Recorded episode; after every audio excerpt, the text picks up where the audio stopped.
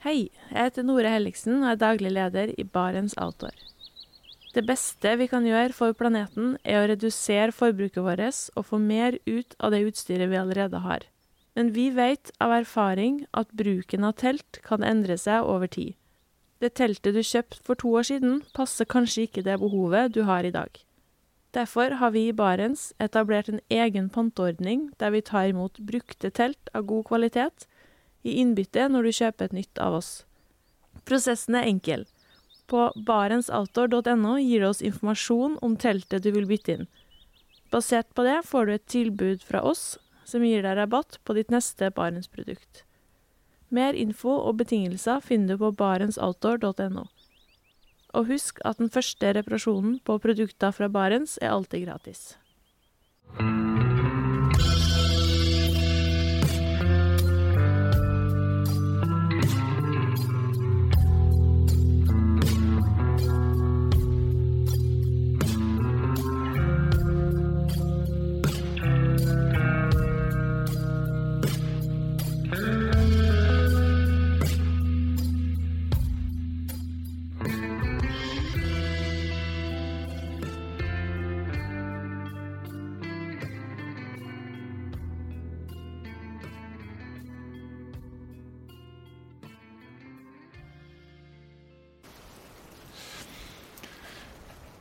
Hei og velkommen til podkasten Uteliv.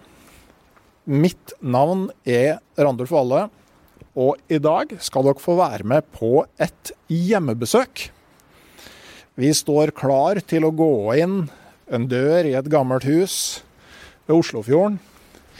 Eh, Den som bodde i huset er ikke her eh, lenger. Han låste seg ut her en junidag i 1928 og kom aldri tilbake.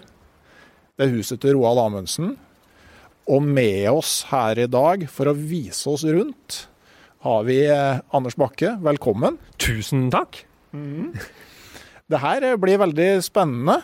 Du er den eneste som jobber fulltid med samlingene her i huset, ikke sant? Ja, vi er mange. Nå er det sånn at Dette Roald Amundsens hjem er jo statens eh, hus, men så er det da eh, museene i Akershus som har forvaltningsansvar.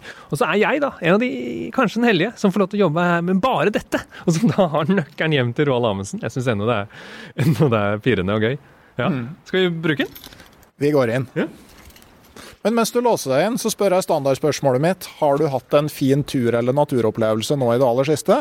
Eh, ja, nå i det siste så har det vært med ungene, men det som virkelig sitter i kroppen ennå, var en tur med fattern som jeg gjorde i, i høst og i sommer, til Øst-Grønland. Som det er- var noe av det som har liksom satt seg i sjela, og som jeg håper blir sittende. Ok, Øst-Grønland til og med. Det er ganske øde. Vi loffa rundt i to uker, og det å kunne gjøre det med, med pappa var eh, Det var skikkelig gøy å kunne gjøre sånne ting med, med folk man eh, er skikkelig glad i. Så det, det anbefaler jeg. Øst-Grønland Ja. med fattern. Der fant jeg boka di faktisk òg. I et uh, hotellet på Tassilak. Der, de har Nordvestpassasjeboka di. Har de det? Så da vi, eh, da, vi, da vi kom oss dit, så fikk jeg lov til å lese litt av dine litteraturer. Eh, Men kan man bare ta flyet dit, da, så, så begynne å gå? Ja, det var det vi gjorde. Og noen båtturer. Og så var vi innom noen, eh, noen fjell, og noen, eh, hadde med noen telt og et gevær. Og så var vi ute i 14 dager. Så det, det er en tur som, eh, som jeg ikke kommer til å glemme. Ok. Så den Dette er jo en ekspedisjon i seg sjøl. Ja. Å komme seg inn her. Er, Lukk, luk døren forsiktig, står det her. akkurat det er ikke Amundsen sin lapp, men vi syns vi skal lukke døren likevel. Nå har de begynt å trutne litt nå, om, nå på vinteren. Eh, og nå gikk vi jo inn den døra som da Roald Amundsen lukket for siste gang, 16.6.1928. Og etter det så er det jo ingen som har bodd i dette huset. Det er det som gjør det spesielt. For det første så bodde jo Roald Amundsen her i 20 år. Og så står huset ennå akkurat sånn som han forlot det. Og det gjør jo at når vi nå trår over terskelen, så er det jo som å liksom gå tilbake 100 år. Ja. det er jo en tidskapsel, dette her. Ja, og eh, det som jo er interessant med det, at Amundsen var jo en veldig stor mann.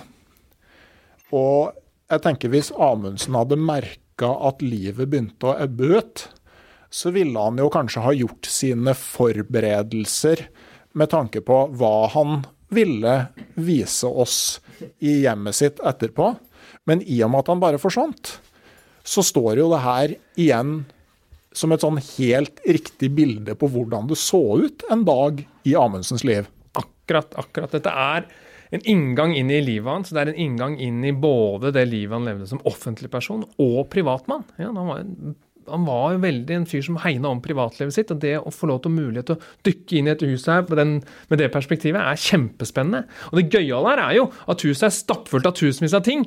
Og, og, alle tingene er jo her av en grunn. Det er jo det som er liksom hovedperspektivet. Altså Alle de tingene som henger på veggene og som ligger rundt omkring her, de må jo være her av en grunn. Amundsen må ha tatt vare på det av en årsak. Når vi finner en bunke med kjærlighetsbrev, ja, så må det jo være fordi at Amundsen har tatt vare på disse. Denne jenta må ha betydd noe for han. Og det er det som er gøyalt.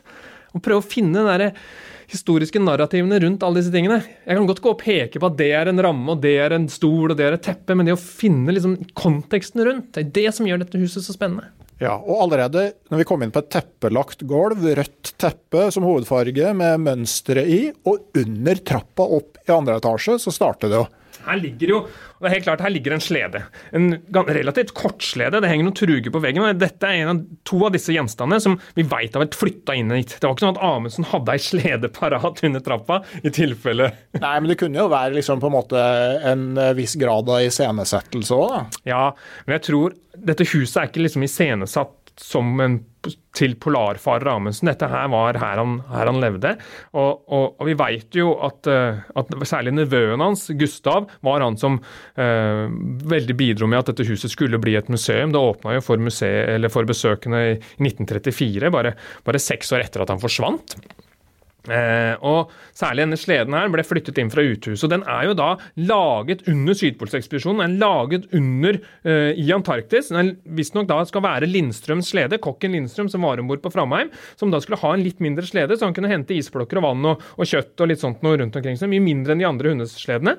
Men, eh, men nå ligger han da og koser seg under trappa i gode forhold, og så henger et par truger som var med på luftskipsekspedisjonen Norge over der. Så det er ikke noe sånn kronologi i ting her. Det er det som gjør det så gøy. Ting er jo som et hus. Ja, Til venstre her, eh, selvportrett på veggen og kong Haakon og dronning Maud. Bli med, dette er den blå stua.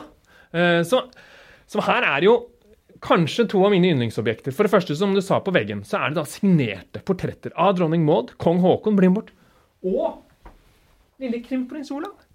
I 1910. Ja, så alle er signerte, og disse bildene her i gullrammer de fikk jo da Amundsen før Fram-ekspedisjonen i 1910, da Framskutta senere den sommeren lå rett utafor her i Bunnefjorden. Kongen og dronningen kom jo på besøk og overrekte disse portrettene her. De ble hengende om bord på Framskutta. Mm. Seinere tok Amundsen med seg de på neste ekspedisjon, med Maud-ekspedisjonen, så de hang i salongen på Maud. Og da han fløy over Polhavet med luftskipet Norge, så hang disse kongeportrettene og dingla i gondolen over Polhavet. Før han da sa i et avisintervju at nå skal disse komme seg trygt hjem, og fiksa sin plass på veggen i dette som ble omtalt som den blå stuen. Mm. På sida her så har vi da en klokke som det bare finnes én av i hele verden. Den er laget av en av mannskapene om bord på Maud-ekspedisjonen. Ser du hva han har laget? av? Ja, Den er jo laget av elfenben, altså ja. av hvalrosstenner. Og er urverket òg lagd av hvalrosstenner? Ja. Den billigste vitsen i huset her er jo at dette er ekte tannhjul, i og med at det er laget av tenner. Ja. ja, jeg har jo hørt det at for en ishavsmaskinist så er opptaksprøva å lage et lommeur av en bjørnelort. eh, eh, men eh, det her er jo noe i nærheten, da. Ja, den er da laget av hvalross, som du ser tennene og urverket. Og så er det til og med mammutbein helt nederst, som liksom er selve uh, skiva nedenunder. Når du snakker på tidenes dårligste vits, du vet hvorfor mammutene døde ut? Kom igjen. Fordi det ikke var igjen flere papputer. ja. Er det sånn, er det sånn podkast dette blir? Men en annen fantastisk gjenstand er denne duken her. Har du sett noe så flott? Vet du historien? Dette er, dette, er jo en duk. Man kunne sagt dette er en duk, ikke noe mer enn det. Men så viser det seg da at denne duken her er Roald Amundsen fått av den amerikanske polfareren Frederick Cook. Aha. Og det var jo et litt sånn kontroversielt bekjentskap. Veldig, ikke sant? De er jo vært venner helt siden Amundsens aller første polarekspedisjon. Han var med den belgiske ekspedisjonen Belgica ned til Antarktis i 1897-99. Der var jo Cook med som doktor, og på mange måter så var det han som redda hele den ekspedisjonen. Det ble jo et galehus etter hvert. Amundsen og Cook ble gode venner eh, og holdt kontakten gjennom det hele. Da Cook senere meldte at han hadde vært på Nordpolen, så kom jo Amundsen og var med på festen i København og støttet nesten Cook hele tida. Men så gikk det jo gærent for Cook, og på 20-tallet ble han satt i fengsel. Han ble funnet med ei hore på et hotell, og to, kona tok ut skilsmisse. Og når han satt da på en cella si i Leavenworth fengsel, så kom Amundsen på besøk.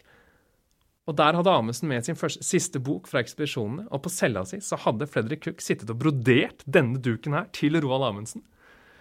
Og nå, for et par uker siden, så fant vi da gjennom i Cook-arkivene i Amerika så ble det funnet to andre duker til. Så Cook var en storebroderist, eller hva det heter. Eh, Aner vi liksom nå tegn til en sånn slags botsøvelse her? ja, kanskje.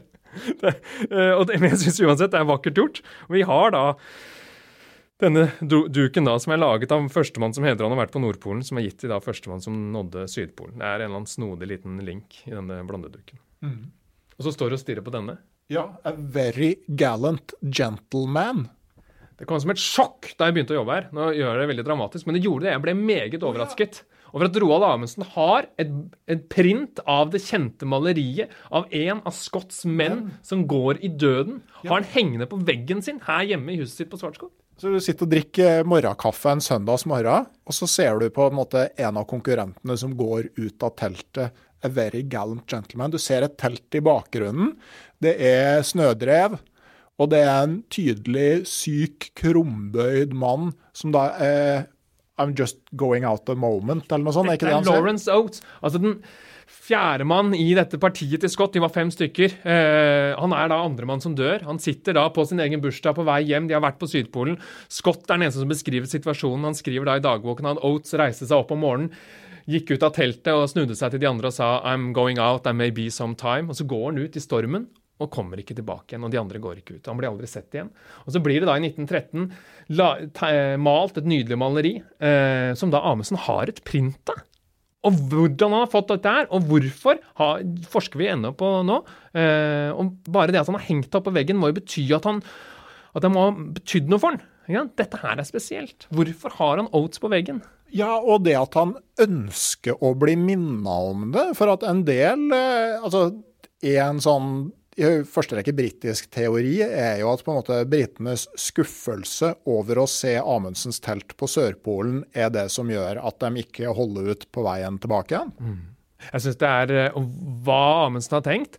Om han har stått og geipa til det, eller om han har stått og tenkt på med ærefrykt, eller om han har stått med noe skyld, det aner jeg ikke. Men her ligger det mye spennende for den som har tid.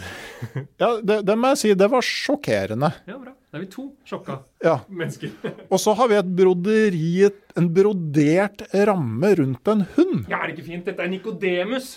Altså, Historien sier, og i dagbøkene kan vi lese, om en hund som følger med Amundsen under Gjøa-ekspedisjonen, og han drar med hundespannet sitt til Iger. Så er det et av disse lokale bikkjene som etter hvert følger hundespannet sitt. og Han blir så glad i lille Nikodemus, og han blir med om bord på Gjøa. Nikodemus han er en blandingshund, og han blir et slags skutas maskot siste etappen ned. Eh, men så er det litt uklart hvor han blir av. I avisen sier at de mister han på vei ned til eh, langs kysten og langs Amerika. Eh, han blir i hvert fall ikke med, hjem, men Amundsen har da helt klart hengt opp et bilde av Nikodemus som er Hunder kan se triste ut, men disse hundeøynene er noe av det tristeste jeg har sett. Men i da en selvlaget perleramme i filt med det norske flagget med sidesalat og et amerikansk flagg, stirrer da Nikodemus med sine meget triste øyne ut. Men helt, igjen her, Nikodemus som har betydd noe for Amundsen, han har tatt ham med seg hjem! Akkurat som Oates og kongen ja. og dronningen! Ja, det er jo da, når du ser portrettene her, det er et selvportrett. Ja, det kom i ettertid. Det kom i ettertid. Ja. Men han har også kongefamilien. Han har Titus Oates, og han har hunden Nikodemus. Ja. Dette rommet her har eh, et proppfullt av historier, bare du ser rundt. Vet man liksom hva Amundsen brukte det rommet her til? Dette er et rom han bygde ut, for egentlig så var det en svalgang utafor. Så det er helt klart han har, han har lagd denne stua sjæl, eller fått noen til å gjøre det. Men det er helt klart en slags sånn Kanskje en røkesalong, kanskje en sånn en. Det er jo tre stuer her nede i, i første etasje. Det er denne lille blå. Og så er det da den store grønne med, med sofaene og litt sånn uh, platespiller og, og, utgangen med verandadøren. Og så er det spisestua. Mm. Så kanskje har det hatt, vært i hvert formål. Det er skyvedører mellom, så man kunne helt klart eh, skilt seg fra, fra, mellom de ulike rommene. Eh, men hvorfor denne sammensetningen av en, en løshund, noen kongelige og en mann som går ut av sitt eget telt? Ja, det er mm. Og så kommer vi inn i ei større stue med en sånn høy sylindrisk eh, støpejernsovn. Som du får, eh, Når du ser toppen av den, så får jeg litt sånn der Lord of the Rings-vibes. Jeg tenker Sauron og Morgoth. ja. Og den ovnen er gøyal, for det, ennå nå har vi tatt ut, men det lå ting i ovnen som ikke var brent opp. Så akkurat her har det også ligget masse historier.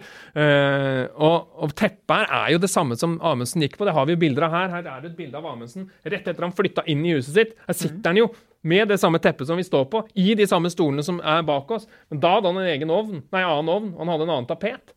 Så det er helt klart at han har vært som alle andre. Han han har pussa opp huset sitt og gjort forandringer.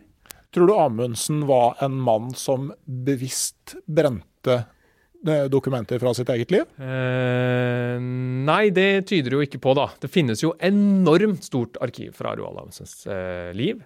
Også det, liksom det mest private hans private dagbok som vi nå i fjor publiserte, som egentlig er stilet til den kvinnen han da var stupforelsket i. Og vi vet at denne kvinnen visstnok kjøpte tilbake alle de brevene hun skrev til han og brant dem opp en etter en i peisen. Så det har vært tatt litt valg rundt, med menneskene rundt Amundsen. Men det ser ikke ut som Amundsen har brent opp i hvert fall store deler. Det er ikke store hull, men uh, gudene veit hva som er forsvunnet. Det, det, det er jo noen ting vi ennå undrer oss på. Ja, for det, for det, ligger jo på en måte altså, Det ligger jo i naturen at altså, det som er brent, det ser man jo ikke. Nei. Og Amundsen var jo veldig god til å forvalte historien om seg sjæl.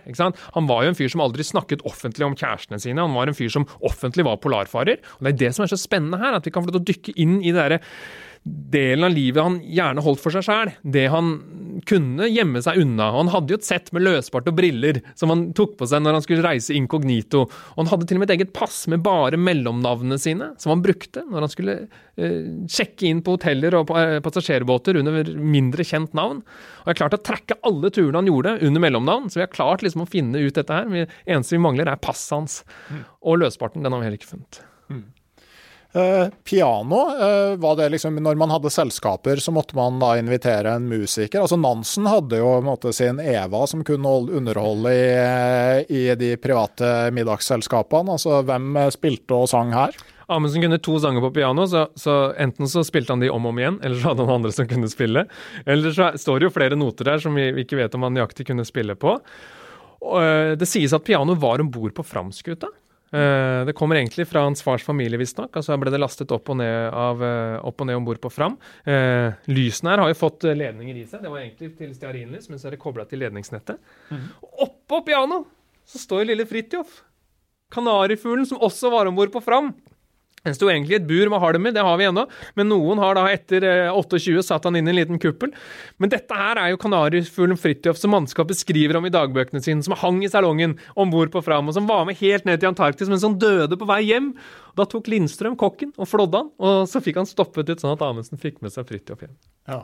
Og Lindstrøm som multikunstner, ikke sant? Altså han, kokk og eh, preparatør og eh, og sånn, eh, Han samla jo masse objekter fra inuittene i Nordvestpassasjen, og psykolog og i hele tatt. Ja, Lindstrøm skulle man Man trenger en Lindstrøm i livet. Alle trenger en Lindstrøm i livet. En, en hammerfesting. hammerfesting. Og så er det sånne mysterier som dette. Jeg har lagt den ned, for jeg vil ikke ødelegge den mer. Men det her, dette her Et av de mest mystiske gjenstandene vi har her. Fordi under Maud-ekspedisjonen så er det to menn som ikke kom hjem. Paul Knutsen og Petter Tessem. De to som da forlater Maud-skuta, og som skal dra hjemover eh, med ekspedisjonspost og utstyr. Skal dra med hundespann helt fram til Dixon telegrafstasjon langs Sibirkysten. Men så kommer ikke dit heller.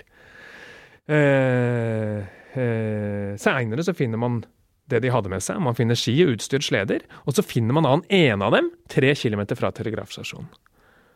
Aner ikke hva som har skjedd. Jobber ennå med det. Hva, hvor, hvor er han andre, og hva har skjedd med disse to? Men på denne fyren som da ligger langs eh, nærme telegrafstasjonen, så ble dette flagget funnet. Det er et norsk flagg, fillet i hjørnet. Eh, nesten så det ikke henger noe igjen her. Noen har rammet inn, og Amundsen har det her, her, i stua si. Og det må jo være en historie bak det. Det må være en eller annen mening med at han helt bevisst har tatt vare på et flagg fra de to som ikke kom hjem. Det var noe Amundsen fikk kritikk for i samtida òg, for det kom vel fram at de var ikke optimalt utrusta og sånn? Mange versjoner av dette, og igjen så må man undersøke at eh, vi nå 100 år etter er vanskelig å forstå hele dette sanne bildet. Vi var jo ikke om bord på måte, det må vi jo bare skjønne. Og, og, og, og det fins sånn er det med historien. Det finnes ikke noe sannhet. Det er ikke matte eller fysikk vi holder på med. Vi kan ikke sette to streker under svaret. Jeg veit ikke sikkert hva som skjedde, men det finnes versjoner om at uh, ene at Amundsen vil at han ene skal dra og, og skylde på hodepine og, og udugelighet, men så er det andre versjoner som egentlig er at det er helt frivillig, og de ønsker å dra. De får med det beste utstyret sitt. Så, så ennå så er det uvisst. Jeg tør ikke å si noe, noe fasit å svare. Det vi heller kan se på, er jo grammofonspilleren, som også ble laget om bord på Målskuta. Eh, det er da en trekkopp-grammofon. Eh, den er laget av to av mannskapet, Sundbekk og Rønne. Og Amundsen skriver om den selv. Han sier at dette er det nydeligste som noen gang er laget på en polarekspedisjon. Og nå fant vi jo platesamlinga hans også i fjor, så veit vi jo hva han hørte på. Her har vi pipesettet. Man kan jo se for seg at fyren satt her og snurra på grammofonen, hørte på musikken. Enrico Caruso, som runget da ut av rommet, tok seg en drink. Som han alltid gjorde klokka fem hvis han hadde tid. Uh, han tok seg alltid en drink klokka fem? Ifølge Lincoln Ellsworth, ja, som uh, kjente han da de siste, siste åra, så var det drink klokka fem hvis det var mulig, og så uh, tre røyk om dagen, men ikke mer. Full, eh, eh, en mann med kontroll, tenker jeg. Eh, sier i hvert fall historiebøkene, da. Ja. Ja. ja ikke sant? Men, men, det er jo, altså den Pjolter-generasjonen den har jo måte, overlevd litt opp til våre dager òg. Jeg vet om sånn, dem som er en generasjon over oss, som ikke er en stiv pjolter, men en liten pjolter etter middag. Og vi har jo, jeg kan vise deg når vi kommer opp etterpå, så har vi jo drinkoppskriften. Det ligger en i skrivebordsskuffen hans. Så den er, den er god. Ja. Her er det en modell av ei fyrlykt. Ja, ikke bare det. Det er ikke bare en modell av en fyrlykt, ikke sant? det kan man jo godt si, men historien bak er jo også spennende. Igjen så er den laget om bord på Maud-ekspedisjonen. Når han har ledning til, plugger i ledningen, så lyser den rød. Den er laget av et av mannskapet. Eh, ganske fabelaktig. Det gir jo et bilde på hvor mye tid de hadde på en ekspedisjon. Men så er det ting av dette. Rett over denne fyrlykten så henger det da enda et print av et maleri, av et britisk maleri som heter The North West Passage. Undertittelen It might be done and England should do it. Og Det sies at Amundsen fikk denne her i sine ungdomsdager. Jeg veit ikke, jeg var ikke der. Men det er helt klart liksom en begynnelse på historien, hvis dette her stemmer. Det er en begynnelse på polarkarrieren, og kanskje er det et eller annet startskudd. Ja, Bildet viser en ung jente, må vi vel kunne si, hvitkledd, som sitter og ved sida av en, sitter en gammel mann med langt skjegg, og hun holder han i hånda mens hun leser fra ei bok. Eh, jeg vet ikke om de kanskje leser om Franklin, eh, 'The Man Who Ate His Shoes'. Nelson der oppe. Og, det er jo, og hvis de gjør de det, så er det jo akkurat de bøkene Amundsen også leste som 15-åring. Og ja. akkurat de historiene, den lidelsen som han selv skriver om, at ja. han blir fascinert av. Ja, det, det, er jo ganske fascinerende. Altså, de ekspedisjonene til Franklin er jo altså Ingen av oss var der heller, det må vi jo Men eh, når det gjelder på en måte ikke helt optimale ekspedisjoner, så i hvert fall den første og den siste, kommer ganske høyt på lista. Og at det er liksom det han på et vis Lidelsen han lengta etter. Det er helt klart i et HMS-perspektiv. Når du begynner å spise skoene dine, så, så uh, har det jo gått galt. Men, men er, Amundsen skriver jo om det at han leser om Franklin som 15-åring. Det er da han får tak i disse bøkene. Og så kan man jo tenke seg at det er ikke, det er ikke unaturlig at de historiene fenger i en som er 15 år. Det er jo akkurat de samme eh, faktorene som kanskje i dag fenger i true crime-sjangeren. ikke sant? Folk som lider, og det er død, og det er kannibalisme, og det er drap. og Det er, det er jo akkurat det disse her handler om. Så Amundsen er jo ikke så ulik de, oss som lever i dag. Nei, men det er jo forskjell på å være interessert i true crime og det å på en måte ønske å være på lidelsessida i en true crime. Da. Det er kanskje det som skiller oss her i verden, ja. ja.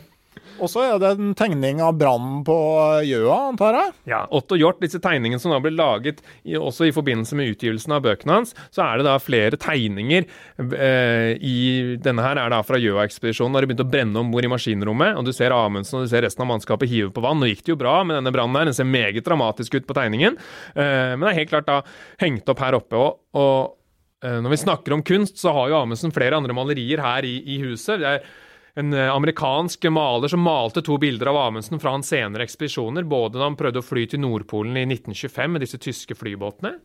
Og så har man en japansk løper helt inne i hjørnet, som er mystisk. For Amundsen var jo en fyr som holdt foredrag rundt omkring i hele verden. Og i 1927 så ble han invitert til Japan, holdt foredrag for keiseren og, og eh, barn og alt sånt noe. Så er det en dame som senere skriver brev til Amundsen, kaller han for onkel, men som da også har laget en nydelig løper av eh, Japans tradisjonsfortellinger, eh, som da henger i stua.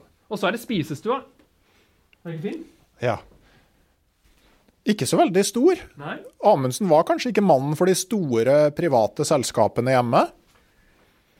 Kanskje ikke hjemme. Det var jo ikke her han, det ikke her han eh, Dette var hjemmebanen hans. Han var som sagt veldig privat. Han, vi har noen eh, bilder herfra fra hjemme, men det er ikke mye. Vi har en video fra bursdagsfesten hans i 26. Da strømmer jo folk ut på gresset. Men ellers så er jo dette her huset relativt sånn eh, hula hans. Og det blir enda mer hule, hulete når vi kommer opp. Der er det enda mer privat. Men spisestua er jo da dandert da, som et holdt på å si, bitte lite selskapslokale. Er det kanskje derfor òg han bosetter seg såpass langt ut fra byen? Ja, dette, Svartskog er jo da sør for Oslo, langs Bunnefjorden. Eh, de som har vært på Tusenfryd, eh, veit at det er ikke så veldig langt unna. Men det er et sted som er ganske langt ute på landet, og da, i 1908, når han flytter hit, så er det enda lenger ut på landet. Men det er tett til byen, fordi at det er så tett ned på vannet. Og etter hvert så gikk det jo båttrafikk. Ferge herfra, ved, der vi parkerte ved brygga, og inn. Tar kort tid. Det gjør det ikke lenger, dessverre. Ellers er det den beste måten å komme seg hit på.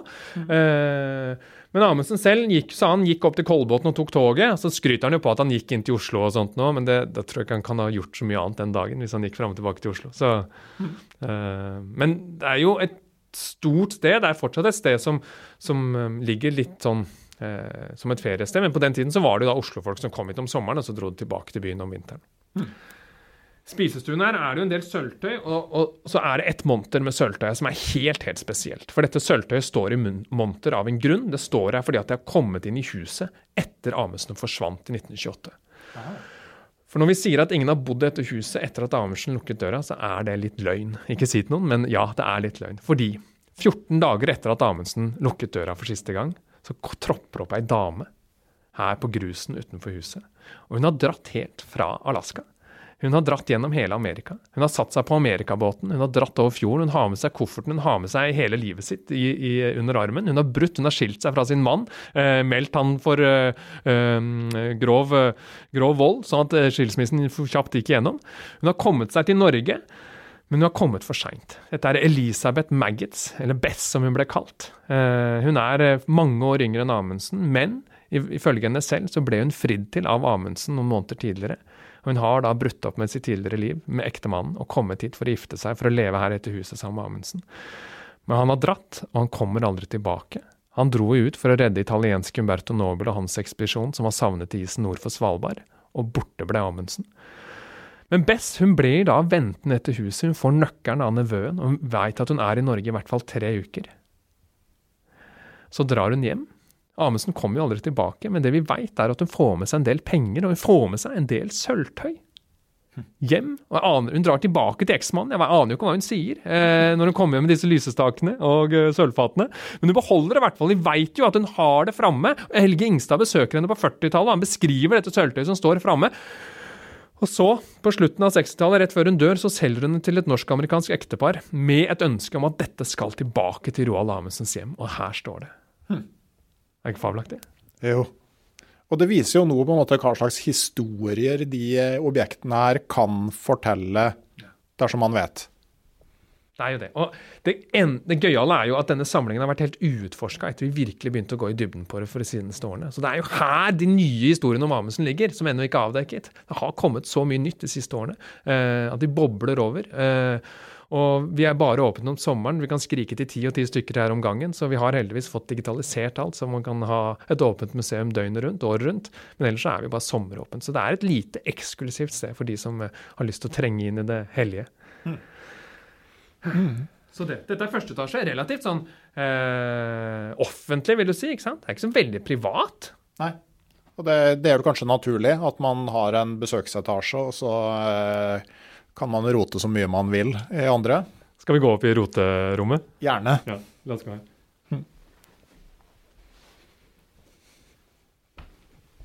Gjennom gangen, opp gjennom trappegangen. Her ser du, her blir du møtt Ja. av disse nydelige glassvinduene som vi ikke så da vi gikk inn. Det finnes eh, fem av de her i huset. Det er da kolorerte glassvinduer som henger rundt omkring i huset fra Gjøa-ekspedisjonen. Av inuittene som Amundsen møtte da, som han ble kjent med.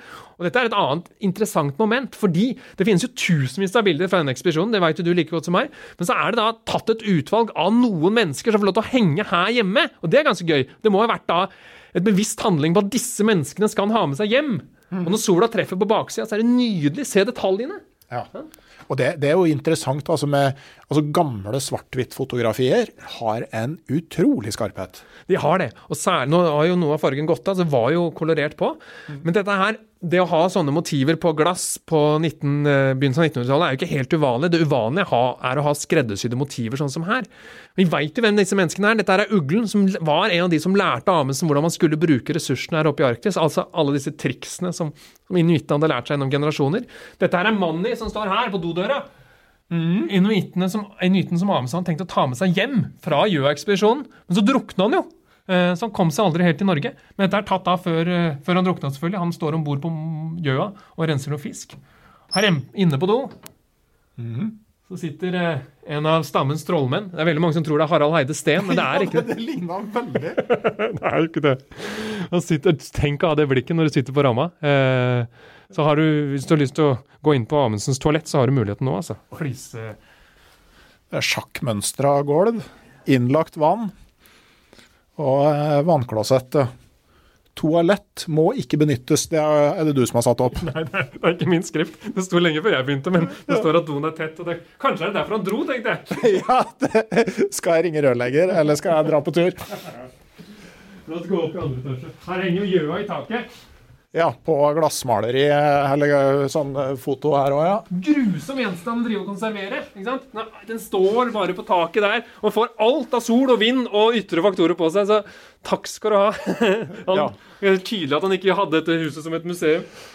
Men nå Dette Nå. er det helligste, i, i mine øyne, helligste rommet i norsk historie. Oi. Dette er Amundsens arbeidsrom. Velkommen. Oi, nå må jeg bare ta innover meg litt her. Da er det, det er ganske stort. Eh, Det er en eh, et skrivebord inne i hjørnet. Det er en veranda utafor. To store portretter over skrivebordet. Oi. Og en sånn slags vinterhage med en veranda med glassvinduer rundt. Ovn her. Et polskart over Antarktis. Stort på veggen. Boksamling. Og Amundsen trener med strikk. Ja, er det ikke herlig? Han kunne da festa det i terskelen imellom arbeidsrommet og denne glassverandaen. Så han kunne se ut mot Bunnefjorden og stå da og dra i strikken. Ja. Det sies jo at han satt på glassverandaen og jobba. Når du sitter her, så kan du skjønne det. Det er litt av et hjemmekontor. ja. Et digert, fint tre, og så er det utsikt over Bunnefjorden. Kastanjetre. Jeg har et lite eksperiment som jeg ennå ikke har testa ut. Er jo om Amundsen kunne se Nansen. Å ja. Hæ? De kunne sitte og glo på hverandre. ja. Eller man kunne føle seg beglodd. Ja, Husk, du sa du skulle til Nordpolen! En annen herlig ting er jo fant vi ut når vi fløy opp med drone oppi flaggstanga, som du ser rett ut fra kontoret her. Så ser du helt øverst på flaggstanga, det står en slags eh, værhane, eller en, ja. uh, en vindfløy. Den viser seg å være laget i Antarktis under Fram-ekspedisjonen. Den står det 1911 på. Det var Knut Sundbekk som lagde den, ga til Amundsen. Den sto utenfor Framheim. Det er en av de få gjenstandene vi har fra Framheim. Ja. Som da Amundsen var så ok og satte på toppen av flaggstanga. Altså grusom ting å drive og konservere. Ja. Og så er det et bilde her av eh, Jeg vil anta at det er Fram som blir sjøsatt. Nei, Maud. Det er Maud, ja. Ja, De er jo ikke så forskjellige med skrogform. 7.6.1917. Mål var jo Amundsens skute. eh, Så helt klart, Ja, den har han selvsagt. Det er ikke, Amundsen har jo ikke bilder av Fram som blir sjøsatt. Nei, men ved siden av så har han jo Frams eh, mann, holdt jeg på å si, Fridtjof Nansen. Og det gøyale med dette bildet her er jo det. Det er dette som hang i salongen på Gjøa når de seiler gjennom Nordvestpassasjen. Og selv i sin egen bok fra denne ekspedisjonen så skriver Amundsen at når Gjøa kommer gjennom Nordvestpassasjen, og de ser en, andre sku, en annen skute på andre sida, og de skjønner de er igjennom, så ser han på dette bildet, og så sier han at det er som at Nansen bare blunker til ham. Og jeg har prøvd, jeg har stirra lenge på dette bildet, og han blunker aldri til meg. så, Nei. nei. Du kan stirre både på avgrunnen og på Nansen, men eh, stirre ikke tilbake. Og så er det sånne ting som dette her. Se på det her. Her på veggen her så henger det da et kart over Arktis eh, med en blyantstrekk over. Ja. Eh, kanskje er dette den planen han hadde med Maud? Om å drive fra Beringstredet ut her. Ikke over Nordpolen, men ut da gjennom mellom Spitsbergen og Grønland. Eh, jeg vet ikke. Men da, igjen, Bildet er rammet inn og henger her, sammen med da et av disse flaggene som skal ha vært med på alle Amundsens ferder. Det er en historie vi virkelig driver og graver i nå, for den er spekulativ. Den, og det, disse flaggene selges jo på Sothersby og Christies for godt over millionen nå. Eh, jeg, jeg har virkelig lyst til å gå i dybden på historien til disse flaggene og liksom finne ut av hva er det som egentlig ligger bak disse her. Fordi at uh, nå, nå, nå tar jeg. Ja. Ja, men jeg tenker også sånn generelt ikke sant, med, med Amundsen her. altså øh, når du, når du begynner å grave i livet hans altså, øh, Er det store forskjeller på det, på måte, den versjonen som Amundsen ville ha ut om livet sitt, og det livet man finner? Det spørs jo igjen hvordan du oppfatter det som står. Hvis du ser på f.eks. hans siste bok, 'Mitt liv som polarforsker', som ofte blir liksom brukt for å illustrere Amundsen som en gretten, gammel gubbe som isolerer seg fra verden og, og blir en gal, gal, mann, så er det egentlig en bok som handler om så veldig mye mer, hvis man klarer å bare gå litt innafor permen, litt bak i historien. For egentlig så sitter jo Amundsen med et manuskript som han for det første publisere litt i noen amerikanske tidsskrifter før, men han sitter jo også i en situasjon der han trenger penger. Han er ferdig som polarfarer. Han er nødt til å fortelle historiene sine på en måte som, som selger, som kan skape en, en, debatt, en sensasjon. Han skriver jo i brev før boka kommer ut at dette, dette manuskriptet er stygt, og han, at det kommer, han skriver jo også at dette kommer til å selge. Eh, og han ønsker jo egentlig ikke at dette skal være en selvbiografi. Hans egentlige tittel er eh, medaljens bakside, men det er forlaget som kommer opp med 'Mitt liv som polarforsker'.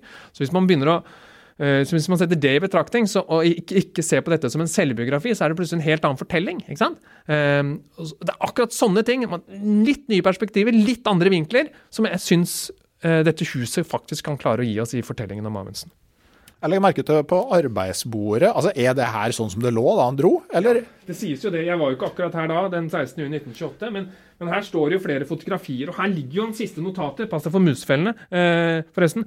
Her ligger jo skrivebordskalenderen fra 1928 med de siste notatene som jeg har skrevet 11.6.1928. Og den kalenderen her er jo fabelaktig! For det er jo da hver dag har fått hvert sitt ark. Og så er det jo da 13 dager han har skrevet en liten ting.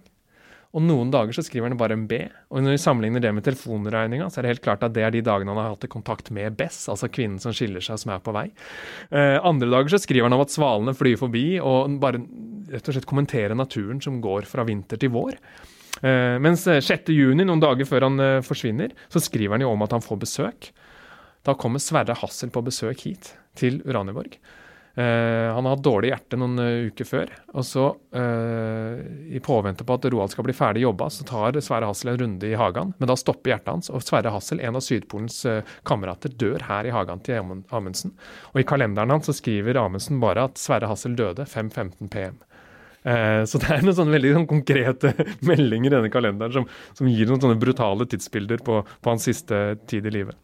Og så ligger det ei bok her The Call of the Wild, når villdyret våkner. Det sies, jo at London. Yes, det sies jo at dette her var Roalds eh, favorittbok. Og så er det jo da en bok som også Shackleton hadde i Irland, ikke sant? men her står det til og med navnet hans Roald inne i 1913. Eh, den er en av de bøkene som er mer lest enn mange andre. Den er i hvert fall klippa opp sidene. Vi har bøker i bokhylla som sidene ennå henger sammen, så det er klart han har ikke lest de. Men her ligger den. Her ligger trekkpapir, eller hva heter det, sånn kopipapir som man har under når man skriver med blekk. Mm. Jeg har ikke klart å lese alle ordene som står her, men det er ett ord nederst i hjørnet som noen har skrevet. Scott. Scott står det. Hvem som har gjort det, når det er, aner ikke. Men vi veit at Scott var her, ifølge Trygve Gran. Da han var i Norge påsken 1910. Ja, det var da Amundsen stakk av? Ja, vi veit jo ikke hva som skjedde, men Trygve Gran tror han har en avtale med Amundsen. Tar med seg Scott, de setter seg på bilen, kjører ut til Svartskog. Her igjen så møter de bare broren til Amundsen som sier at jeg aner ikke hvor Roald er. Om Roald sitter her og ikke vil vise seg, eller om han er på tur og ikke har misforstått avtalen, det veit vi ikke. Men de møtes aldri ansikt til ansikt. Nei, og det, man spekulerer vel da i at Amundsen helst ikke ville møte Scott for å slippe å ljuge direkte om sine planer. Det er så deilig med historie. Da kan man jo være spekulativ. Ja. Mm. Men se her. Her er jo da eh, klokka som står her. Svær, ganske stor klokke som står midt på skrivebordet. Jeg syns den tar ganske mye plass i dette lille skrivebordet. Men dette er en av de første talende klokkene i verden. Hvert kvarter så var det en tysk stemme som sa hvor mye klokka var. Fryktelig irriterende. Tenk når du sitter og skriver bok, da, så har du en så Lydrullene fant jeg i nattbordskuffen hans. Helt tydelig at de har tatt ut og ikke vil høre denne tyskeren som snakker hvert kvarter. Jeg synes noen svei funft en ord. Jeg har digitalisert de, så du skal få de. Men igjen, her er det jo da dill og dall oppe på her, kan det- Modell av det skjeve tårnet i Pisa, det er ting og tang, det er en liten er det isbjørn eller hund, det vet jeg ikke, som sitter her i porselen. Men så er det da sånn som dette her. Et bordkort med en Det er jo en dame eh, som legger, ligger rett, relativt eh, lettkledd. Noe utfordrende positur, ja. Ja, og det er et bordkort der det står 'Captain Amundsen'. Og igjen, hvis man har det perspektivet på at alle tingene her må være her av en grunn, så må, er det jo gøyalt å finne ut av hvorfor har Amundsen spart på dette bordkortet med denne kvinnen, og hvorfor ikke bare det står framme foran på selve skrivebordet. Han har sett på det like ofte som han har sett på mammaen og pappaen som henger over. Men jeg tenker jo Som en sånn der digitalt suvenir fra Svartskog, så kunne dere jo lage en sånn digital versjon av den klokka som eh, forteller hvert kvarter hvor mye klokka er. Det hadde vært helt uh, topp, det. Tror du den ville solgt? Det er kanskje at du, du, kan ha sånn, du kan ha en gratis nedlasting, og så må du betale for å bli kvitt den. det er gøy! du skal få den på sida di gratis. Det, det koster, koster 10 kroner uka for at den skal holde kjeft. Et slags Amundsen-virus, ja. Apropos uh, suvenirer, da må vi flytte denne stolen. Stolen foran Amundsens skrivebord. Og så skal vi åpne opp skrivebordsskuffene. Oi. For at Amundsen drar jo, forlater dette bare huset. Nå har det trutna litt, så vi skal være forsiktige. Men her kommer han. Midterste skuffen er stappfull av ting og tang og visittkort og små ting. Og små uh, Her inne så ligger en boks med patroner, og her ligger jo da Amundsens drinkoppskrift. Den er ganske elegant. Vi har prøvd den før. Lagde den samme Svartskog kolonial, som også lå her da Amundsens tid. Nydelig vertskap. Det er landets beste kolonial. Men oppskriften er i hvert fall, følg med nå, noter. Én liter vann kokes med én spiseskje farin. Vannet siles og står til det er kaldt. Så har du én liter sprit. Tilsettes tolv dråper karveolje. Vann og sprit slås sammen, og så tilsetter du en halvflaske sherry og tappes på flasker. Ok, Så det er halvblanda sprit og vann med sherry, sukker og karveolje? Ja.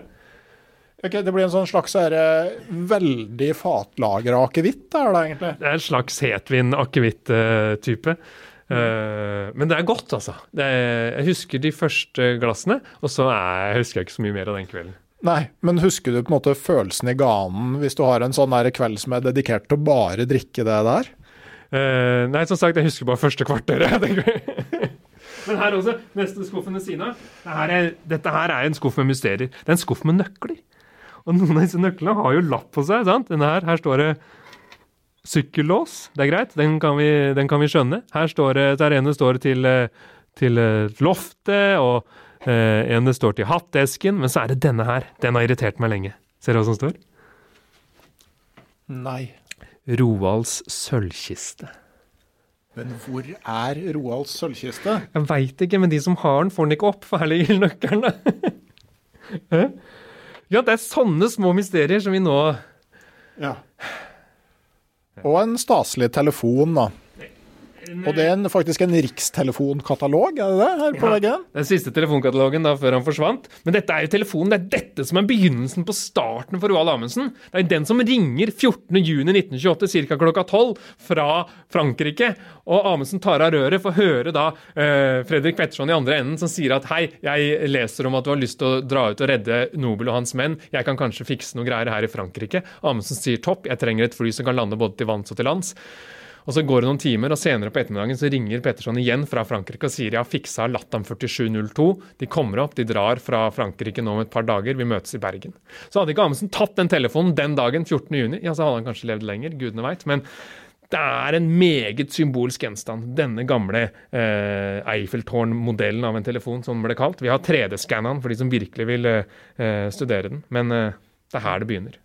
Men hva vet vi om Amundsens motivasjon for å dra og lete etter Nobile? Den røyk jo uklar etter Norge-ekspedisjonen. Nobile skulle vise at det her klarte han helt fint på egen hånd uten Amundsen. Og så gikk jo ikke det så bra, uten at nødvendigvis det var fordi Amundsen ikke var med. da. Men en del peker jo på at man kan ønske å redde den gamle ekspedisjonsmakeren, eller man kan ønske å ydmyke han fullstendig var å være den som plukka han opp av isen. Jeg tror man skal være litt forsiktig med et sånn populærvitenskapelig narrativ, med å tenke på at haha, nå kan Amundsen dra ut og vise fingeren til eh, en som man har krangla med. Jeg Igjen, jeg var ikke her, men jeg tror det er flere mulige løsninger her. ene er jo at Amundsen kan ha lyst til å ydmyke fyren. Andre er at han kan føle et ansvar. Ja, Amundsen har vært i isen nesten hele livet. Nå er det folk som trenger hjelp. Han, selv om han har sagt helt uttatt at jeg skal aldri opp i isen, jeg skal pensjonere meg, så er det helt klart her dette er en verdensomspennende redningsekspedisjon. Det er ikke bare sånn Amundsen har lyst til å dra ut, det er hundrevis av mennesker som drar ut for å lete. Kanskje føler Amundsen at han har et visst ansvar på å være med å redde disse folka her. Han prøver jo å stable på beina, først til en formell eh, redning, norsk redningsekspedisjon, som Amundsen etter hvert blir tatt ut av, og så prøver han jo rett og slett på eget initiativ å få i gang de gamle Dornier-Wald-flyene i Amerika. Han sender jo folk til, nei, i Tyskland, han sender folk til Tyskland for å sjekke ut. Han klarer ikke å få tak i penger. og Det siste notatet han gjør i kalenderen sin, det er rett og slett et telegram til Elsfurt, der han ønsker å få penger til en redningsekspedisjon. Og så står det da i avisene, norske aviser 14.6.1928 at Amundsen ikke klarer dette her. Og det avisene da ikke har fått med seg, er at telefonene ringer. Og så kan man jo tenke seg at hva er det Amundsen kan svare, og hva er det han bør svare når det ringer fra Frankrike og sier at 'jeg kan hjelpe deg med et fly'? Jo, øh, kanskje har han ikke noe valg. Nei, nei, altså da, I det det har kommet dit, så kan han jo ikke si nei, for da kommer det jo i avisa dagen etterpå. Ikke sant? Jeg skaffet fly til Amundsen, men han turte ikke å dra. Nei, ikke sant? Så, så når den telefonen ringer, når han tar over dette røret, han får dette tilbudet, så, så sitter han jo i saksa. Han må være med. Men så er det jo dette her, han er med i et fly som en, eh, som en av mange. Sant? Det er fem andre her, det er fire andre franskmenn som egentlig er fartøyets mannskap og besetning. Og så er Dittriksson og Amundsen med som, som, som kall det ekspertise. Eh, så det er ikke sånn at de har plass til alle italienerne på isen og skal redde dem, men de skal jo observere dem og så se hvor de er. Så det er helt klart at det er ikke Amundsen på egen hånd som stikker av med flyet og skal liksom være den store ene helten her. Så Nei, Og Amundsens på en måte mulighet til et konstruktivt bidrag er jo altså til selve operasjonen av flyet er jo minimal, men altså han kan kanskje være den som kan si noe om hvor det kan være mulig å finne dem, eller har vært så mye i isen at han er den som klarer å observere noe uvanlig som stikker seg ut. Da. Men eh, når det går gærent, så er han jo mest en passasjer. Ja, absolutt. ikke sant? Og så igjen, heldigvis så var jo ikke vi om bord på Latam 4702 eh, etter den tok av fra Tromsø eh, fem over fire 18.6.1928. Eh, og så veit vi jo ikke hva som skjer. Det eneste vi veit med denne flybåten, er at det driver i land tre vrakrester. To bensintanker og en flottør. Eh, en bensintank og flottør er i Frankrike ennå. Den andre bensintanken står utstilt på Polarmuseet i Tromsø. Den har vi fått 3D-skanna, så den kan man studere på egen hånd. Vi jobber med å gjøre det samme med de to nede i Frankrike, sånn at vi virkelig liksom kan studere vrakrestene. Det er jo det som er igjen.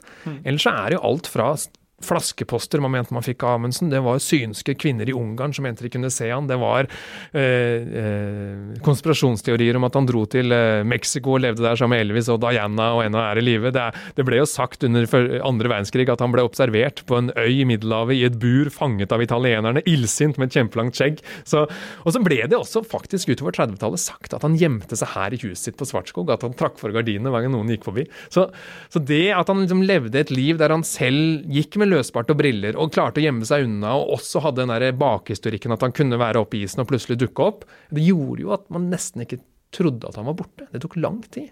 Mm. Før man, disse vrakrestene begynner å komme i land. Og så var det da 14.12.1928 som ble bestemt å være den store minnedagen, både for Amundsen og for de andre om bord på Latteren. Da sto jo hele Norge stille. Det er bilder fra Karl Johan som er stappfullt av mennesker. Det ble satt opp høyttaler ved domkirke, domkirken, sånn at man skulle høre minnetjenestene fra, fra radioen.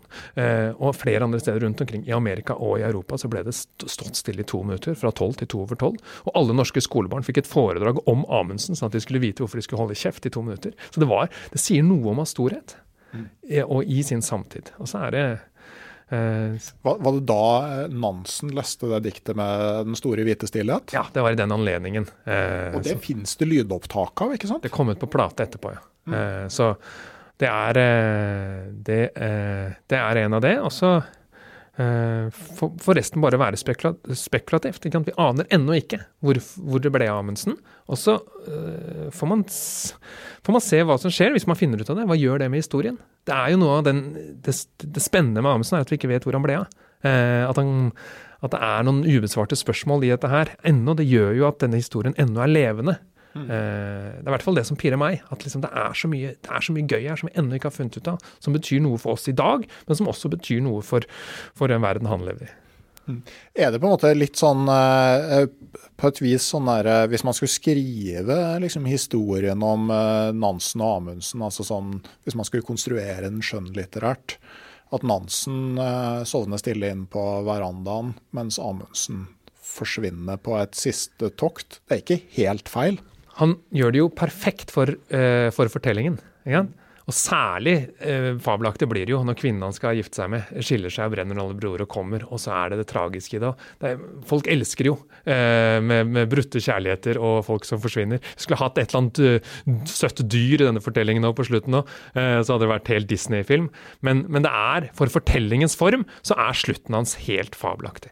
Og Zapfe hans, eh, eh, altså Sønnen til hans gode venn skriver veldig fabelaktig om dette her, om det tragiske. Eh, om, om Amundsen og Scotts død og sånt. Og så, så, det er mye, det er mye holdt på å si, eh, eh, poetisk i måten han forsvinner på også. Eh, men at det er staged og at han ville det sjøl, det, det, det, det tviler jeg på, men eh, Ja, det, det, ville jo være eh, å dra det veldig langt, at han på en måte tok over spaken på, eh, på, på det flyet. Men det skulle vært interessant å vite på en måte ja, før de, så vidt jeg har lest, da, så at flyet brukte lang tid på å komme seg i lufta ut fra Tromsø. Muligens godt nok lasta. og Hva tenkte egentlig Amundsen, altså, som alltid har hatt full kontroll på alle planene sine? Ja.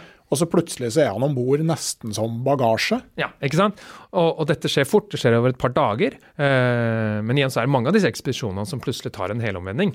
Eh, der det avgjørelser som gjøres her og nå. Gjøa er en sånn en, at nå stikker vi av gårde. Sydpolen var jo egentlig Nordpolen. Så, så, veldig mange av disse livene hans handler om avgjørelser og skilleveier som plutselig skaper noe nytt. Eh, Definitivt, men, men, jeg tenker jo like fullt altså, Når han dra, bestemmer seg for å dra til Antarktis, så legger han jo kanskje den, altså, den mest gjennomarbeida planen noen gang. Og jeg tenker jo at eh, Han fikk jo låne fram av Fridtjof Nansen, og det var jo kanskje bra at det var Amundsen og ikke Nansen som dro for å erobre Sydpolen? ja, jeg skal ikke tvile på Nansens evner dit, men, eh, men eh, nå gikk det jo så, så, bra som det gjorde, da. Eh, og, ja. jeg, jeg, tenker jo at det må jo være lov å si at altså, jeg tror ikke, hvis det var Amundsen som var på Fram over Polhavet, så hadde ikke han vært nødt til å dra tre ganger før han kom seg i vei på sledetur uten å måtte vende tilbake igjen og pakke om. Altså Han ville ha forberedt seg i de lange dagene han hadde mulighet til det. Og når det ble aktuelt å stikke ut på en sledetur, så sto de sledene gjennomtesta og gjennomprøvd, og alt var klart til å dra. Det er helt sant. Amundsen er en, en perfeksjonist på flere områder. og Det ser man jo både sånn eh, privat og, og, og, offentlig. Han er, en, han er, en, detaljist, og han er en fyr som rett og slett har, har orden. Eh, og det er ganske imponerende når du går gjennom dagbøkene og slededagbøkene og hele det materiellet under sydpolsferden og overvintringen i Framheim. Alt det der eh, det samfunnet gjør i den vinteren der, de prepper jo en hel ekspedisjon på en vinterstid, eh, og, og utstyrer den og spesialiserer den. Eh, og det henter han jo fra ulike ting. Det er jo det som er gøy. Vi har nøsta mye. Hvor, hva er det som gjør Amundsen så god? Hvorfor er egentlig lykkes han i isen? Og jeg tror jo Det ene er at han blir født når han blir født. Han blir født inn i en slags industriell revolusjon som gir han helt andre muligheter enn folk før han. Men så har han forbilder og læremestere som er med på å skape han. Både inuittene, både folk i Norge som går på ski på den tida. Og så er det sånn som han som står på skrivebordet her, forbildet hans, Eivind Astrup som sitter og stirrer på han hver dag. Eh, polarfareren som tok sitt eget liv i begynnelsen av 20-åra, som så å si som døde da samtidig som Amundsen eh, nesten omkom på Hardangervidda. Så det som ble Amundsens eh, begynnelse, ble på mange måter Astrups eh, slutt. Eh, så man har et eller annet sånn generasjonsskifte utenom at noen av de visste noe om det. Der det åpnet seg en mulighet for Amundsen, og et, et rom som han etter hvert da tok. Mm. Og så kan man jo si om Amundsen, altså, ikke sant, der Nansen ville være veldig mange ting mm. samtidig, så var Amundsen bare oppdager. Absolutt, han var bare en pensjonist på det. Dette var hans liv. Og jeg forstår Amundsen, og igjen, jeg kjente han ikke, møtte han aldri, men jeg forstår han jo som en mann som er veldig bevisst på at for å være en polarfarer, så må du ha ting som selger. Det, nytter, er ikke isen du tjener penga, det gjør du når du kommer hjem, og å, penga trenger du for en ny ekspedisjon. Så han er nødt til å ha en fortelling fra isen som gjør at folk gidder å kjøpe boka, gidder å komme og se filmen, gidder å høre foredraget. At den er salgbar, sånn at han kan igjen kan ha nok muskler og penger til å ta, gå på neste ekspedisjon. Og sånn er livet som polarfarere. Eh, det veit du veld, veldig godt, og det handler om Amundsen er veldig god på å gjøre det dramatisk, selv når han er ute og flyr flyr i 25, ikke når eh, Nordpolen og, og, og lander isen på nær 88 grader nord, så, så kommer du hjem som store helter. For at historien er så fabelaktig og dramatisk. De er ute i fem uker. Folk trodde de var døde, de gjennomsto fra det døde. Ja, det, er, det er noe med den spenningen. Og så vokser helt klart Amundsen opp i en tid der massemedia er med på å skape kjendiseri, og Amundsen passer perfekt inn i det. Og polarekspedisjonene blir jo etter hvert, istedenfor å være langdrøye, flerårige skip som fryser fast i isen, så blir de flyvende. Og de får radio eh, om bord, og det er mulig å ha liksom, daglige oppdateringer fra ekspedisjoner som gjør dette her til eh, live studio for folk flest i avisene. Og det blir, det blir, noe helt annet enn det det var 30 år tidligere. Mm. Men, men, så vidt jeg vet, så på Maud-ekspedisjonen så var det mulig å ha med trådløs telegraf, men Amundsen lot være fordi at han ville at historien skulle være ja, unspoiled når han uh, kom hjem igjen. Det også uttalte han i et avisintervju at han også ikke ville at mannskapet skulle få meldinger hjem som kunne påvirke dem. Det er ganske brutalt, da. At, hvis du da, at han bryter den uh, linja med familien hjemme, for i tilfelle det skulle komme noen negative meldinger om dødsfall eller savn eller noe, så slipper du det. Da kan du heller sitte aleine med, med savnet ditt noen par år istedenfor. Jo jo, men på et vis, du får ikke gjort noe med det. Så jeg, jeg, kjenner faktisk folk som har tenkt akkurat sånn på eh, lengre villmarksturer i dag. At de, nei, vi har ikke med satellittelefon, vi har med nødpeilesender. For dersom det skulle skje noe hjemme, så vil vi ikke vite det. Mm. Fornuftig tanke. ja, sant? B både òg. Jeg tenker jo kanskje altså hvis du har barn eller livsledsager som plutselig får vite at man har 14 dager igjen, mm. så kan det jo hende at jeg hadde hatt mer lyst til å få avbrutt turen min og betalt det det kosta for å bli henta hjem, enn å være der i uvitenhet. Mm. Det gjør nok kanskje noe med deg òg å vite at du har kuttet den linja. At du plutselig er, er i det ene. Og det, det er jo akkurat det Amundsen vokser opp i. Han vokser opp i etter hvert i en verden der det er mulig å snakke sammen på større avstander. ikke sant? Og at polarekspedisjonene varer plutselig så, Med Norge så tar det tre dager å fly over Polhavet. Nansen brukte tre år. så liksom, De 30 åra skjer ekstremt mye. Og det er de 30 åra Amundsen er i, er polarfare på sitt ypperste.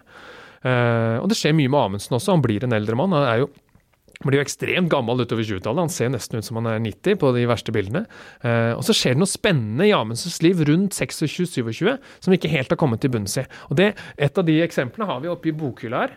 Det gøyale med bokhylla er at den er stappfull av polarlitteratur. Det er bibler, det er leksikon, alt sånt som man vil vise fram. Alt det Amundsen ikke ville vise fram av bøker, det ligger jo i boden. Det var eh, sånn der kjærlighetslitteratur, det var billig pocketutgaver, det var eh, cowboyblader og sånt noe. Men en bok som ikke passer inn her, det er jo da en bok om kreft. Okay. Den er da skrevet av en av datidens store kreftleger. Ja, kom igjen. Vi skal være litt forsiktige med bokbøkene til Roald. Albert Søyland handler om kreft. Og vi veit jo at Albert Støyland var egentlig fra Norge. Han var såpass god i kreftforskning så han hadde sin egen klinikk i Amerika. Og i 1927 så var Amundsen hos Søyland og fikk behandling. Han fikk operert ut en svulst med radium i låret, eller ja, eh, ble behandlet for det. Og Vi veit jo da ikke hvor syk Amundsen var, eller hvor frisk han blei. Og Det er et lite eh, spørsmålstegn. Og hvorvidt han hadde fått et tilbakefall ganske fort hvis han hadde levd videre. Riktig. Men han fikk da denne boken av Søyland i april 1928, altså bare kort tid etter Amundsen selv forsvinner. Jeg jakter etter Amundsens medisinjournal. Den eh, det er vanskelig nok å få ut sin egen, men det å få ut en helt annen mann sin, det, det er vrient nok. Men, men hva, hva, er det som ligger i dette her? Hvor, hvor syk var han egentlig, og, og, hvor mye bedret dette av med seg selv? Mm. Rest, ellers, er det utenlandske utgaver av Nordøstpassasjen? Det er eh, Scotts eh, siste ekspedisjon. Her står det til og med notater. Det står et sånn Sjekk side 519, så ser dere hva som er gærent med han. Eh, det er bøker fra Fredrik Cook. Det er da Eh, Måsen her, det er til og med eh, Thousand Days in the Arctic', skrevet av Fredrik Jackson, mannen som senere ble kjent for å finne Nansen og Johansen oppe på Frans Josef-land. Ja, ja, ja, Dette er historien om den ekspedisjonen. Og det som er gøyalt, er jo at det finnes altså to svære, store notatbøker. For når Amundsen leser disse bøkene her som ungdom, så tar han notater. Stappfulle fra disse bøkene her. Hm. Om triks og triks. Som han rett og slett summerer opp. Han leser, leser pensumlitteratur? Han leser pensumlitteratur. Det er ganske gøy.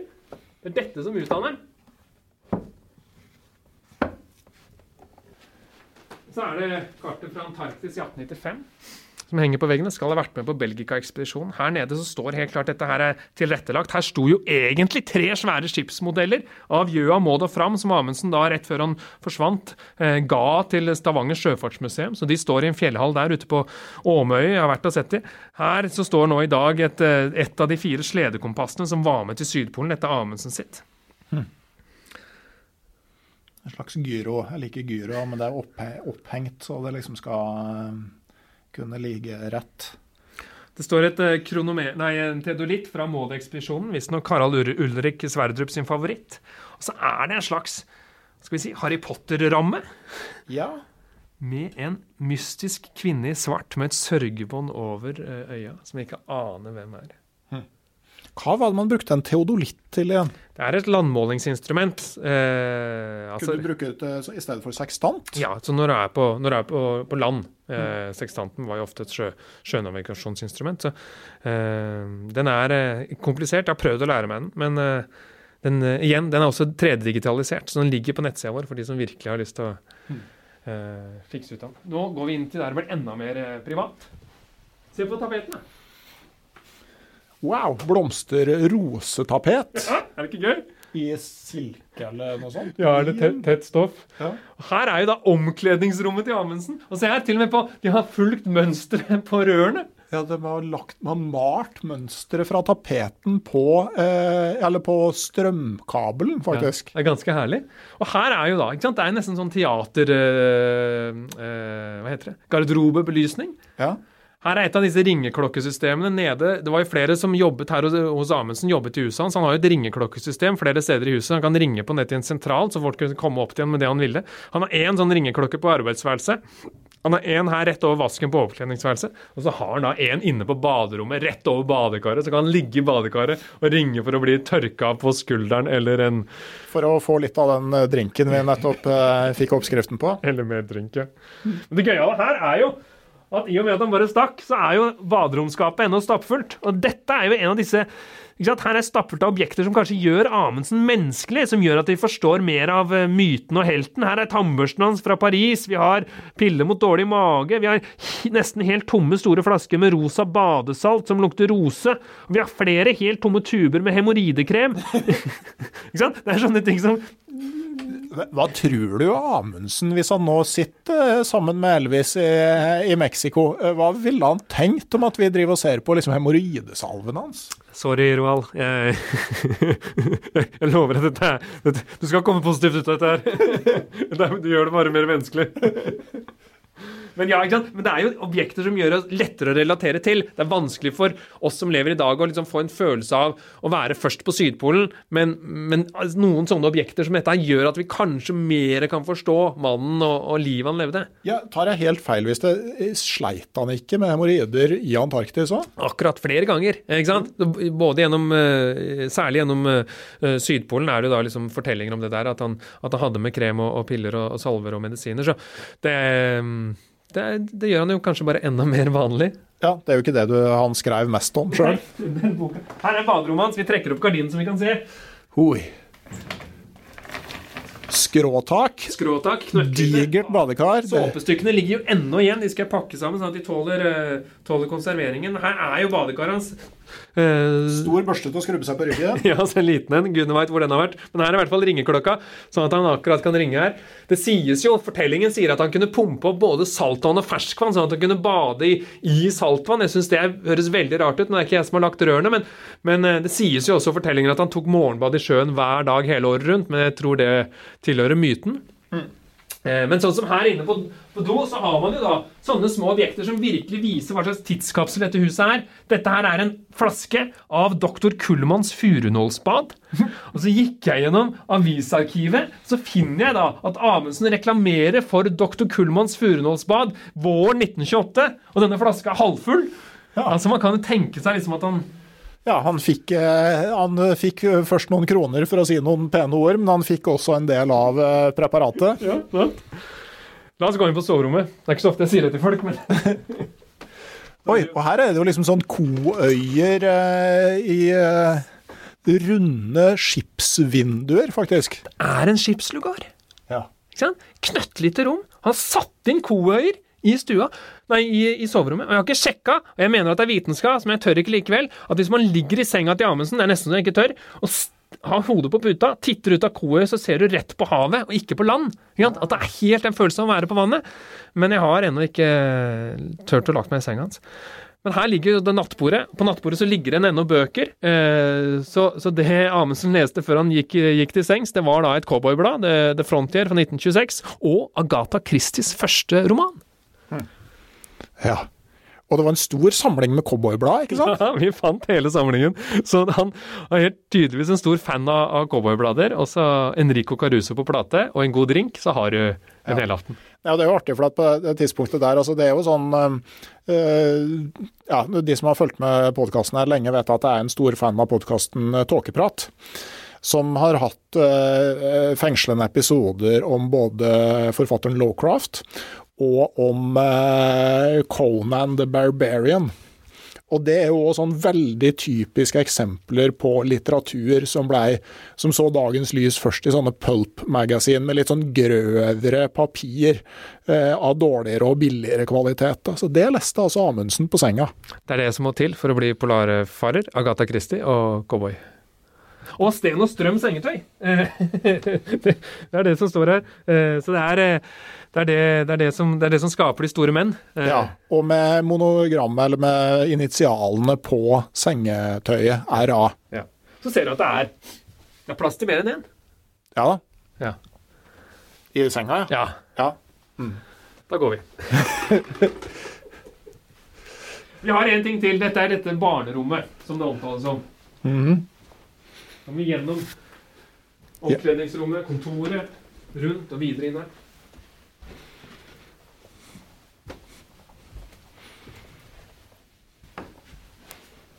Her er jo det som omtales som barnerommet, men det er litt dårlig gjort for dette rommet. For, for her bodde det jo da bare to barn i ett og et halvt år, men ellers har dette rommet vært kanskje et gjesteværelse, etter hvert også et lagerrom.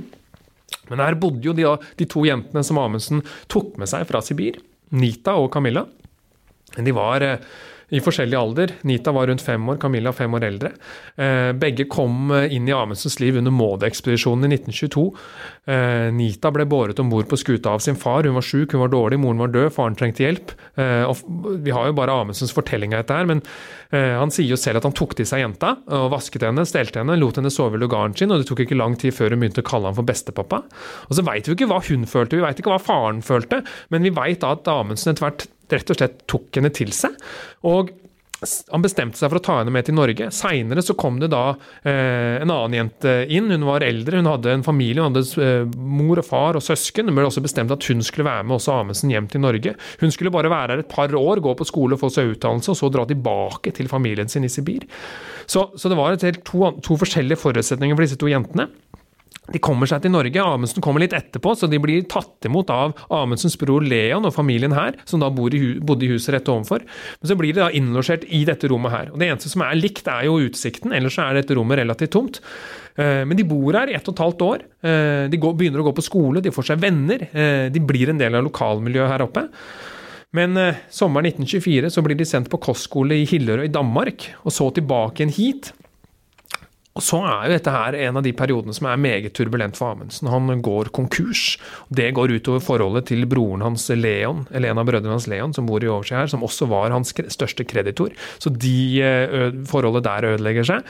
Og da har plutselig Amundsen verken penger eller barnevakt. Og det er sikkert andre faktorer også, men han bestemmer da at disse jentene må tilbake til Sibir. Og da sendes de etter hvert tilbake til Sibir. En ti måneders reise. Eh, fulgt av nesten litt sånn tilfeldige voksne som blir avtalt møter eh, opp igjennom, helt tilbake. De kommer seg etter lang tid tilbake til Camillas familie i Sibir. Og de blir, de blir sammen resten av livet. De, eh, de, vokser opp, holder kontakten, blir venner. Begge, seg, begge gifter seg, får seg barn og familie. De lever helt fram til 70-tallet. Det spennende er, nå har jeg snakket med slektningene deres, i hvert fall til Camilla, og eh, det interessante er at de to jentene de vokser opp med hver sin fortelling om Amundsen. Nita, hun yngste, hun forteller jo og holder foredrag om livet i Norge og om Amundsen når hun blir voksen, mens Camilla hun snakker aldri om Amundsen igjen. Så de to har, er, Vi snakker ikke om én felles fortelling her, det er helt sånn det er sånn det er. Alle har hver sin fortelling om, om historien her. Eh, og for Amundsen så har det vært én, og for Nita har det vært en annen, og Camilla har det kanskje vært en tredje. Så, så helt, helt, klart forskjellige oppfatninger. Men, men, jentene bodde i hvert fall her på dette rommet. Eh, men vi veit jo ikke så mye. Vi har igjen skolebøkene, vi har litt fortellinger, vi har noen ting fra foredragene som Nita holdt, og vi veit også at Nita tok, bilder, tok, tok, og klippet ut bilder av Amundsen og, og Norge og sånt, og holdt foredrag seinere i livet sitt. Eh, og de har vi også da gjennom familien fått, fått tilgang til. Så, så, vi begynner å klappe sammen eh, fortellingen deres. Jeg snakket med slektningen deres til, til, eh, til en podkastepisode som vi lagde, 'Puslespillet Amundsen', der de snakket litt om historien sin. Så, så, vi graver oss lenger og lenger ned i deres historie. Det er en spesiell historie. Det er helt klart spesielt. Og det, det vanskelige med den historien syns jeg i hvert fall er å forstå det i den tiden. Ja, Det er helt, helt, usmakelig hvis vi skal sette oss inn i det i dag og, og, tenke på denne 50 år gamle superstjernen av en norsk mann som tar til seg to små jenter og, og drar dem rundt omkring i, gjennom storbyer og Seattle og New York og viser dem fram, og de blir kjendiser uten at de i det hele tatt veit hva, hva, som er oppe og ned, og de blir tatt med hjem i, hjem i huset hans, bort fra sin egen familie. Men man må forstå det i den tiden. Og jeg levde ikke da, jeg kjente ikke disse menneskene, så det er fryktelig vanskelig å prøve liksom, å forstå en helt annen tid, men det er jo det arkeologer og historikere liksom har triks for å prøve på. Så, så vi jobber jo med det hele tida. Mm. Men uh, jeg syns det er vanskelig sjøl. Ja. Uh, men det står jo ting etter rommet som vi ikke helt som veit i hvert fall ikke har stått der etter uh, da, da, jentene bodde her. Blant annet denne kisten som står i hjørnet her nå. Det er en gøyal liten kiste som, som, ikke var med på ekspedisjon, men det ble laget til ekspedisjon. Og I og med at den ikke ble med på noen tur, så er den ennå stappfull. Dette er en medisinkiste. Ok. Ah, se på denne! Oi. Masse nummererte firkanta bokser. Og lukt. ja, Nå åpner jeg alltid når det er en dårlig dag på jobb. Ja, det er, for det er jo nummer én. Det er opium. Ja. Nummer to arsenikk. De sterkeste opiatene er tatt ut. Det er ikke meg, men det er noen andre. Men, men eh, så, så, eh, så, er Tabletter fra Candfarm Wilhelm Wang. Farmasøytiske preparater. Han har laget et helt hefte. Det ble laget flere av disse eh, medisinkistene til Amundsens kommende ekspedisjon da i 1914. Og det gøyale med denne boken er at det står da en oppskrift på hva skjer når du får blindtarmbetennelse. Ja, ta tablett nummer én. Opium. Ta opium, ja. Uh, ja. Så det er jo det er rett og slett en, eh, en selvhjelpsbok. Her ligger pillene, her inne ligger salver og kremer. Skal vi se om vi får opp dette. Ja da. Mot gikt, mot eksem, mot forbrenning, mot hemoroider, mot frost. Ja, Der var hemoroidesalven igjen, ja. ja så jeg har ikke sjekket om de, det Her er det fulle. Disse tubene er fulle. Og her eh, i den skuffen som er litt treig, skal jeg ikke ta ut, men her ligger anestesiutstyr og plaster og enda mer lommeapoteker og sånt. Så så igjen, alt er 3D-skanna, men, eh, men, lukten får du ikke. Da må du komme deg hit. Ja, ja den var egenarta. ja. Gammel hemoroidesalve. Det er ingenting som lukter, eh, lukter, så godt som det. Love the smell of gammel hemoroidesalve in the morning. Den skal jeg ha på T-skjorta mi. Her lå jo da mye av arkivet som lå i Det gøyale er jo at alle de brevene som ble skrevet til Amundsen i de 20 årene han bodde her, ble jo sendt hit. Det er tusenvis av brev. Det er, det er, ting fra konger og dronninger og presidenter og småbarn og strømregninger og alt det som vanlige folk også fikk, som ble funnet som i dag heldigvis enten ligger på magasin på Follo museum eller på Nasjonalbiblioteket. Fabelaktig samling og, og, bilder som da ble flyttet over hit og dit, som ligger trygt og godt, og godt bevart. Så så det ligger ikke så, så mye arkiv igjen i dette her igjen. Heldigvis, kan man si. Det ligger lettere tilgjengelig på, på de tingene der det, der det bør ligge. Mm. Jeg får eh, et bilde her. Jeg får faktisk uh, uh, Barn i den alderen altså, jeg får veldig sånn Harry Potter-feeling når jeg ser et, uh, en tegning av Amundsen med en pekestokk. og Nesa hans er jo veldig karakteristisk, men her ser han ut som en sånn goblin i Harry Potter. Her er enda en sånn løperne fra Japan. Ikke? Det nevnte jo at han hadde vært på en foredragsturné i Japan 1927, da han møtte keiser og alt mulig sånn. Dette er enda en sånn veggløper som han fikk under dette besøket. Det er da en tegning av Amundsen som står står og holder et foredrag. Han holdt jo flere foredrag. Det er tegnet et verdenskart med Spitsbergen, Norge og Europa. Ja. Svenskene som kommer, blir alltid drittirritert fordi at de, Norge, nei, Sverige har blitt en del av Norge og resten av Europa. Finland er blitt Europa. Finland er blitt Europa.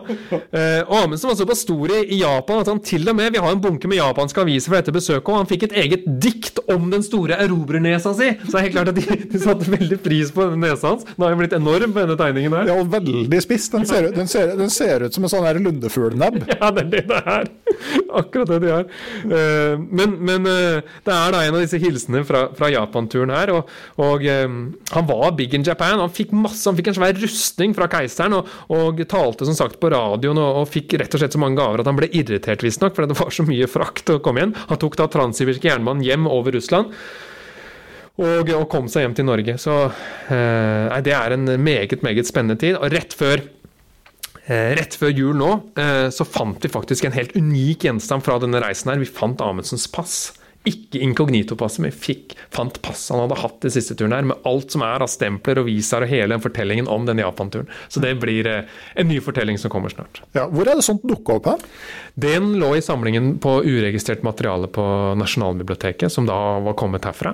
Mm. Så, så, der ligger også mye snacks som ennå ikke er ordentlig registrert. Men, men gjenstandene og puslespillet her er ennå ikke lagt, det heller. Så, så det fins mange nye perspektiver og historier og kunnskap om Amundsen. Det er det som er så gøy, når du ikke jobber med matematikk. Ja, eh, men, men, er Amundsen i dag en annen enn Amundsen for la oss si 50 år siden? Nei, men kanskje fortellingen om, om, om man er det Det ble jo ikke skrevet kritisk om Amundsen før ut på 70-tallet, med Kåre Holt sin, sin bok. Og Fram til det så var det jo bare nesten hyldningsdikt om Amundsen. Særlig rundt uh, slutten av 20-tallet, 30-, 40-, 50-tallet. Og så skjer det noe med på 70-tallet, og det var jo såpass brutalt for særlig de som sto Roald nær, som ennå var i live, at det ble jo skrevet kronikker i avisene med overskriften om at 'det er ikke sant', det som står og sånt. Og så kom jo Ron Huntford på 80-tallet med, med, med, sin bøker og biografier og denne TV-serien 'Last Place on Earth', og liksom, han ble mye sammenlignet med med Scott. Og man skapte disse narrativene.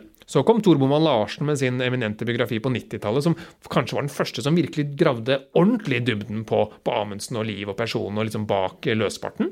Eh, det hadde Huntford begynt med, men, men Boman bare Norman Larsen han fullførte virkelig det verket fordi han fant så veldig mye nytt.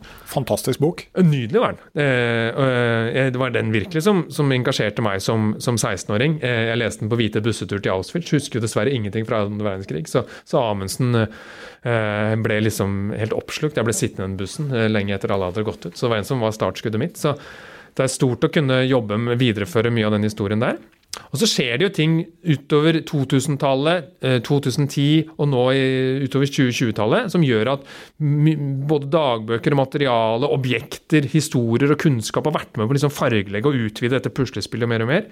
Jeg fikk beskrevet en gang at det vi gjør, det er jo som å legge et puslespill uten hjørnebrikker. Ja, det blir større og større og større hver gang vi går på jobb, dette puslespillet her. At det kommer nye ting hver eneste gang. Og så finner du kanskje en stor seksjon som du har plassert i nærheten av noe annet, og så kommer plutselig brikkene som viser at den hører til et helt annet sted. Absolutt, det er akkurat det der. Plutselig så vrir du om bildet. og så, ja, det er sånn det var. For et par år siden så fant vi en kiste her ute i uthuset med 2000 fotografier og brev og foredragsmanuskripter. Det var et foredrag vi ikke ante om Amundsen hadde holdt om første verdenskrig. Da han dro ned til skyttergravene og så soldatene kjempe, og så holdt han et foredrag om det etterpå. Sånne bilder som gjør noe helt annet enn den Amundsen vi er kjent for. Uh, bare Amundsen og politikk er et eget foredrag i seg selv. ikke sant? Hele den statusen han har. Så jeg tror Amundsen er mye mer enn det vi ennå har klart å formidle ut, og det vi ennå har klart å forstå. Han er jo en person med alt det som er av feil og mangler og positive og negative sider. Og han hadde venner og uvenner og kjærester og ekskjærester. Og jeg tror det handler om hvem du legger vekt på, og hvem du legger vekk. Og det er klart at Kjæresten hadde en helt annen fortelling enn ekskjæresten. Sånn er det med alle oss, eh, tror jeg. Eh, men ja, sånn tror jeg rett og slett fortellingen hans er. Og jeg tror vi kan fortsette i all evighet å fortelle og forske på Amundsen. Hva er det som du har vært med å oppdage som har overraska deg mest? Eh, passet er jo det siste som eh, ga meg som en, en, stor, eh, en stor ny, ny, ny, ting. I sommer så fikk vi over, overrakt Roald Amundsens navlestreng. Det var meget overraskende. Den hadde jeg ikke trodd jeg noen gang skulle få lov til å holde i. Så den stilte vi ut i sommer. som vi skal, Jeg har veldig lyst til å 3D-printe den og så selge den som øredobber, men sjefen er ikke like optimistisk. Jeg mener at det kan bli en bestselger, men ja, Du har det, og så har du den klokkeappen. Det blir en sær liten webbutikk. ja. Og så har vi funnet da ting i, i, mellom sofaputene som gjør at vi liksom har kunnet berike historiene bl.a. om uh, ekspedisjonen 1925.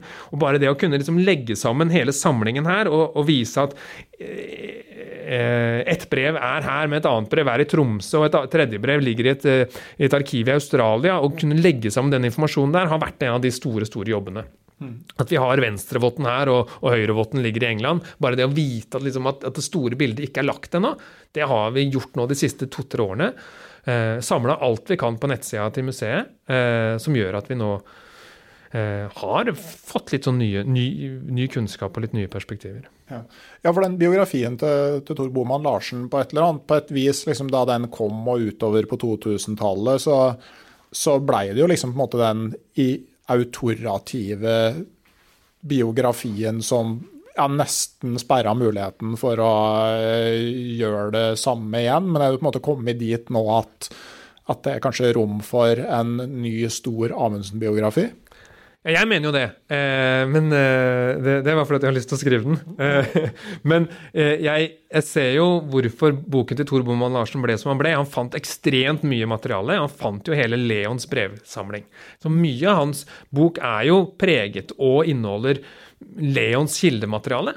Men det, han, det, det som har kommet opp i ettertid, er jo flere hundre brev og fotomateriale fra Gustav, en av de andre brødrenes side. ikke sant? Der har vi et helt nytt perspektiv inn her. og Hvis man legger det sammen med det Tor skrev, så plutselig har man kanskje et større bilde, et rikere bilde, en større uh, forklaring. Og jeg tror jo at uh, det finnes flere sånne nye perspektiver rundt omkring. Uh, bare det å snakke om Amundsens status i, i, som, en, som, en, verdenshelt er en helt annen ting som ikke har vært snakket om. Og det å kunne bryte de der, prøve å bryte de barrierene hjerne, som, som, vi gjør når vi liksom finner badesalt og hemoroidekremen og liksom klarer å, å, binde sammen den offentlige og private personen på nye måter.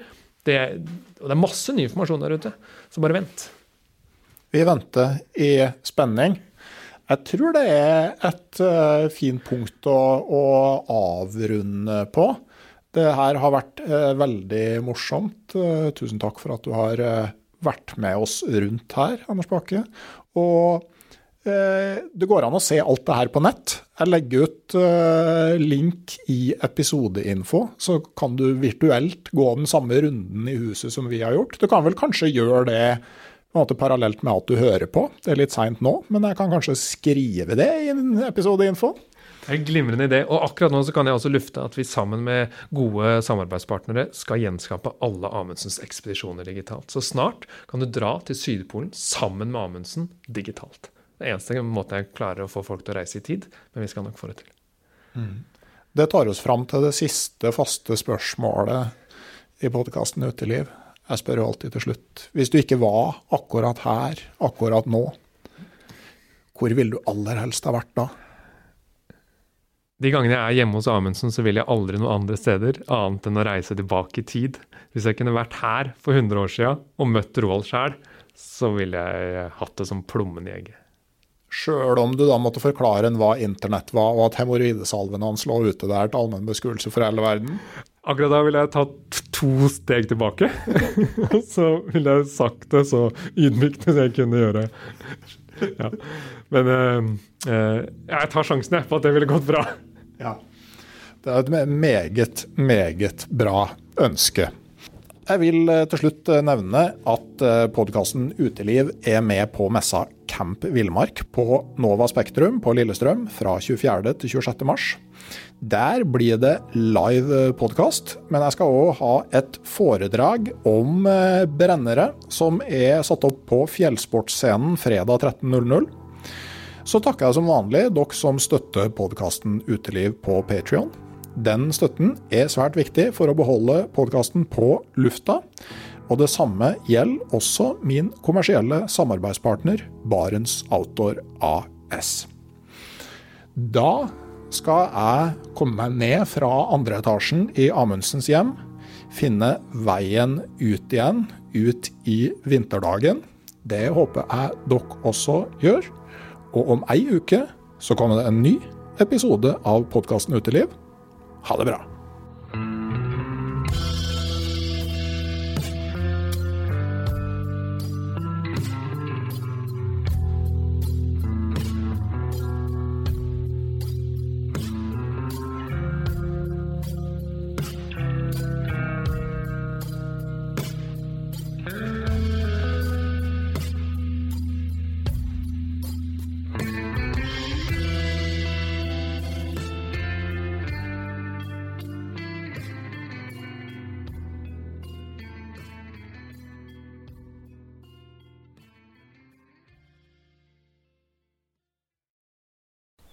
Hei, jeg heter Nore Helligsen og er daglig leder i Barents Outdoor.